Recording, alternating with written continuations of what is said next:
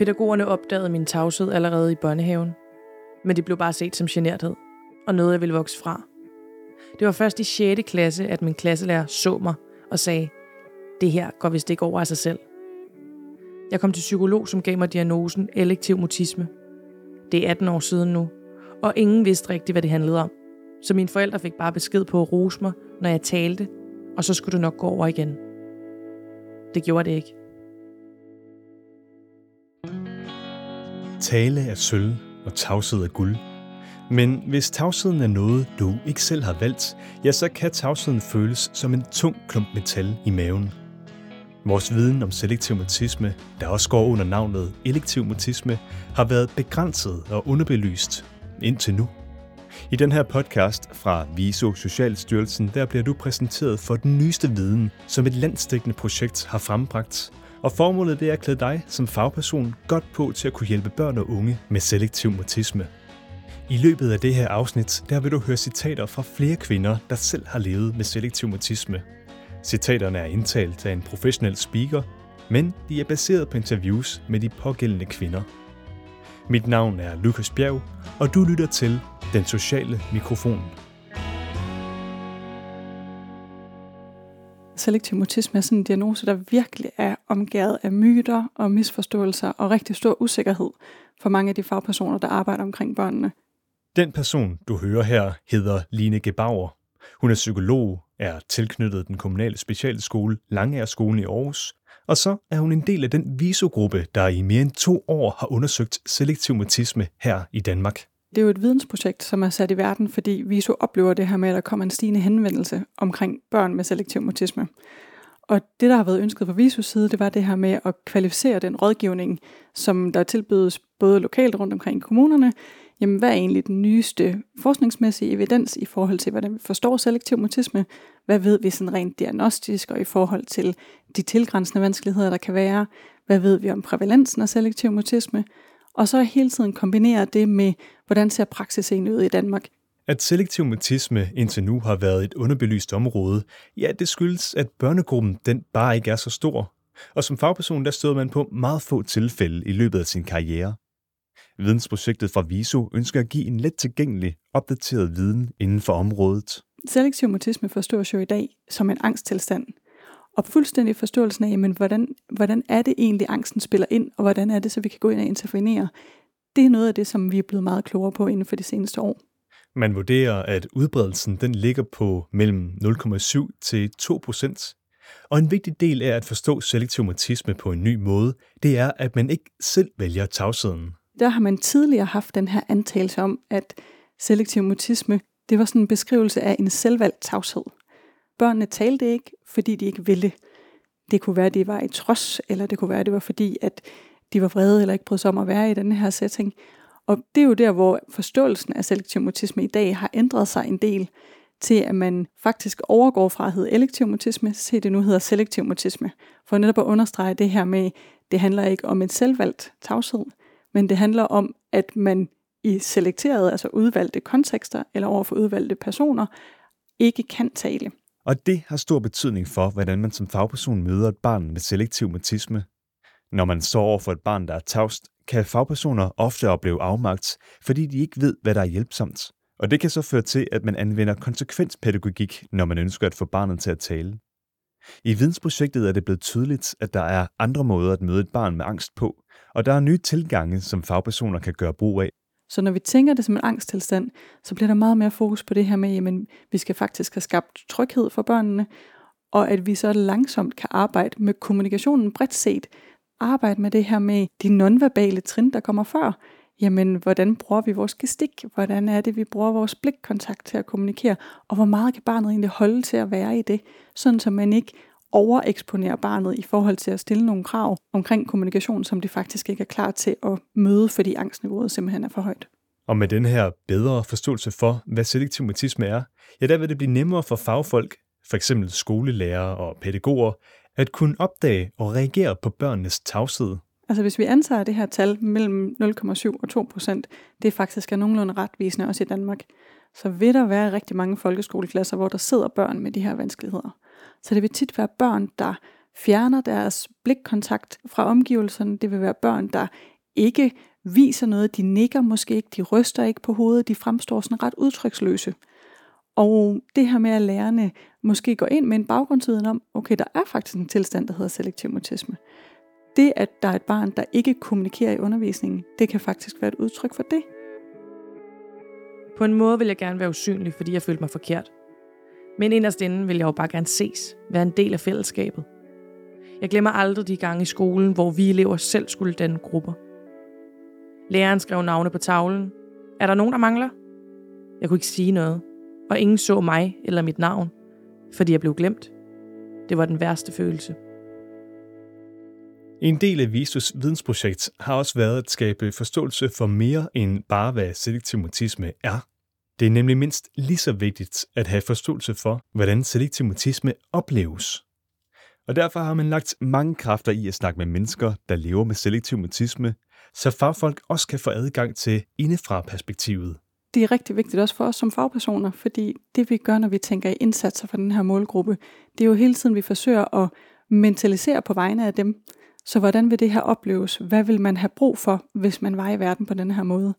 Og det kan vi altså kun, når vi har barnets eget perspektiv med og forståelsen af, hvad vil det sige at have selektiv mutisme. Det er enormt vigtigt, og det er også vigtigt for, at barnet får medejerskab af den proces, der er i gang. Så at barnet ikke oplever sig selv som sådan en, en spillebrik i noget, der bliver sat i værk af alle andre, men at barnet faktisk selv er inddraget i processen. Som barn fik jeg bare at vide, at jeg var stille. Skolen dømte mig hurtigt som dum, fordi jeg var tavs. Mine forældre lagde ikke rigtig mærke til det derhjemme, da det ikke var et problem med den tætte familie. At jeg ikke sagde noget, når der var andre, var bare generthed i deres øjne. Jeg ville gerne have vidst som barn, at angst også kunne se sådan her ud. Jeg genkendte ikke følelsen af angst, før jeg var midt i 30'erne.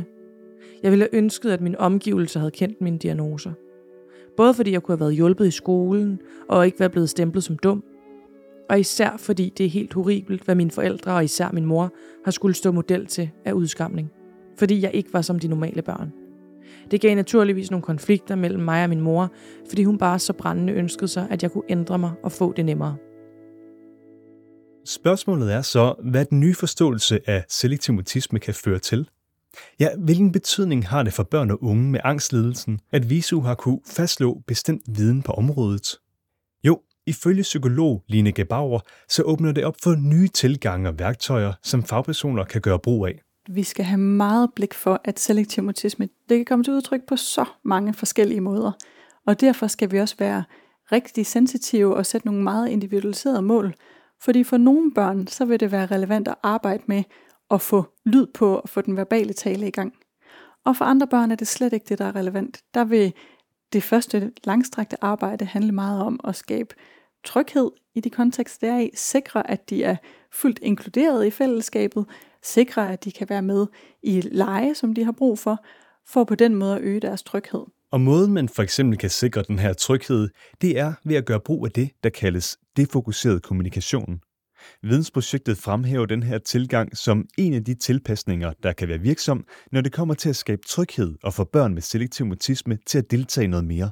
Altså at man undgår at adressere barnet direkte, men sørger for at skabe nogle trygge kontekster, måske hvor man sidder en til en med barnet, hvor man i stedet for at sidde over for hinanden, som ligesom kalder på øjenkontakt, skal sætte sig ved siden af hinanden, og man har noget engagerende og interessant, man kan tale om, så man ikke taler om barnet, men man taler om det, der er ude på bordet.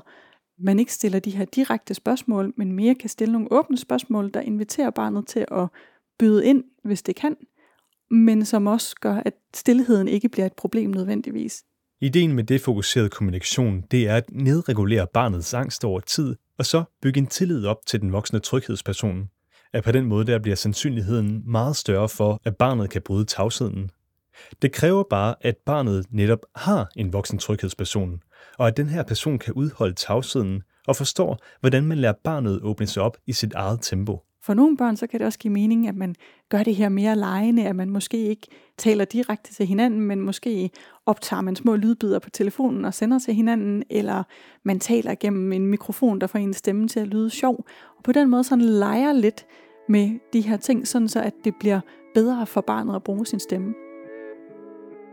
Når jeg bliver mødt med forståelse og accept, betyder det ofte, at jeg faktisk bedre kan tale, fordi jeg ikke føler pres. Men også bare have ro på, når der er tavshed, uden at skulle panikke over at skulle sige noget. Tavshed og pauser i samtaler kan også give tid til at bearbejdning og refleksion. Og det er ikke nogen dårlig ting.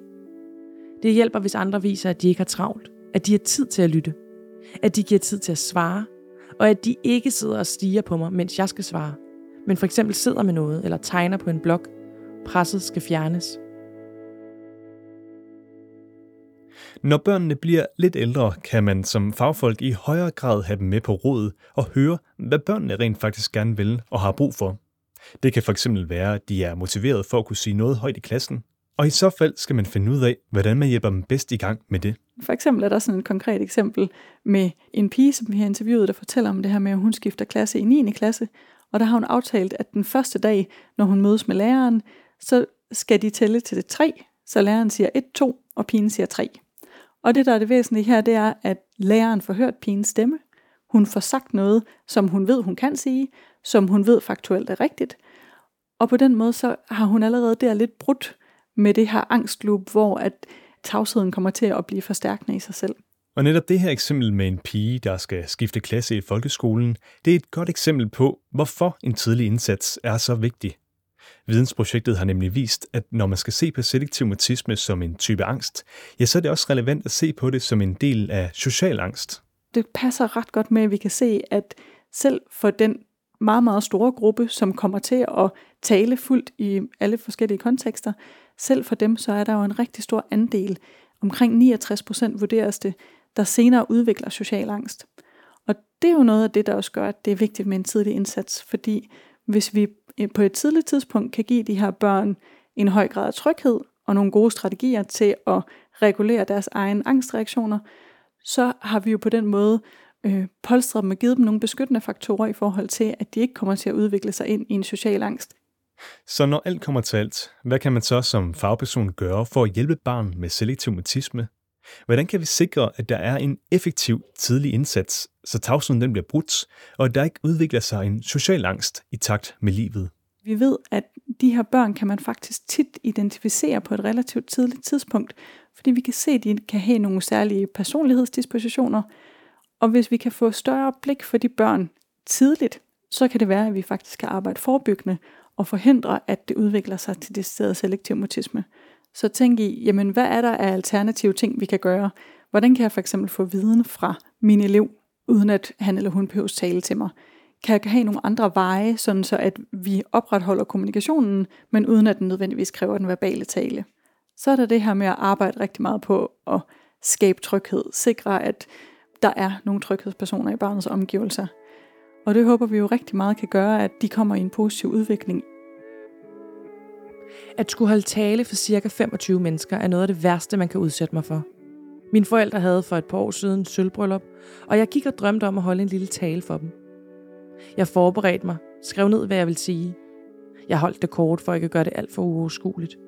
Jeg vidste ikke, om jeg ville kunne gøre det, og jeg fortalte heller ikke nogen om det. Jeg øver mig på talen og har den med mig hele dagen i min taske. Aften går.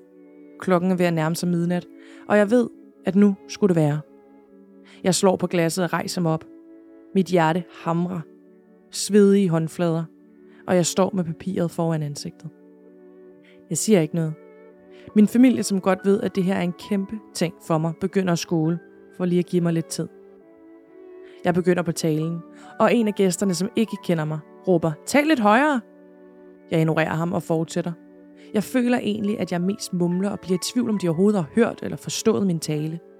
Men jeg gennemfører det, og får bagefter en masse anerkendelse for de andre.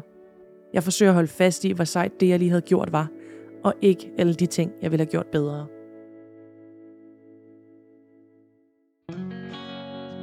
Det her var det ene af to afsnit om selektiv mutisme. I det andet afsnit, der retter vi fokus mod forældrene og de redskaber, som forældre kan gøre brug af for at hjælpe børn og unge med at bryde tavsheden.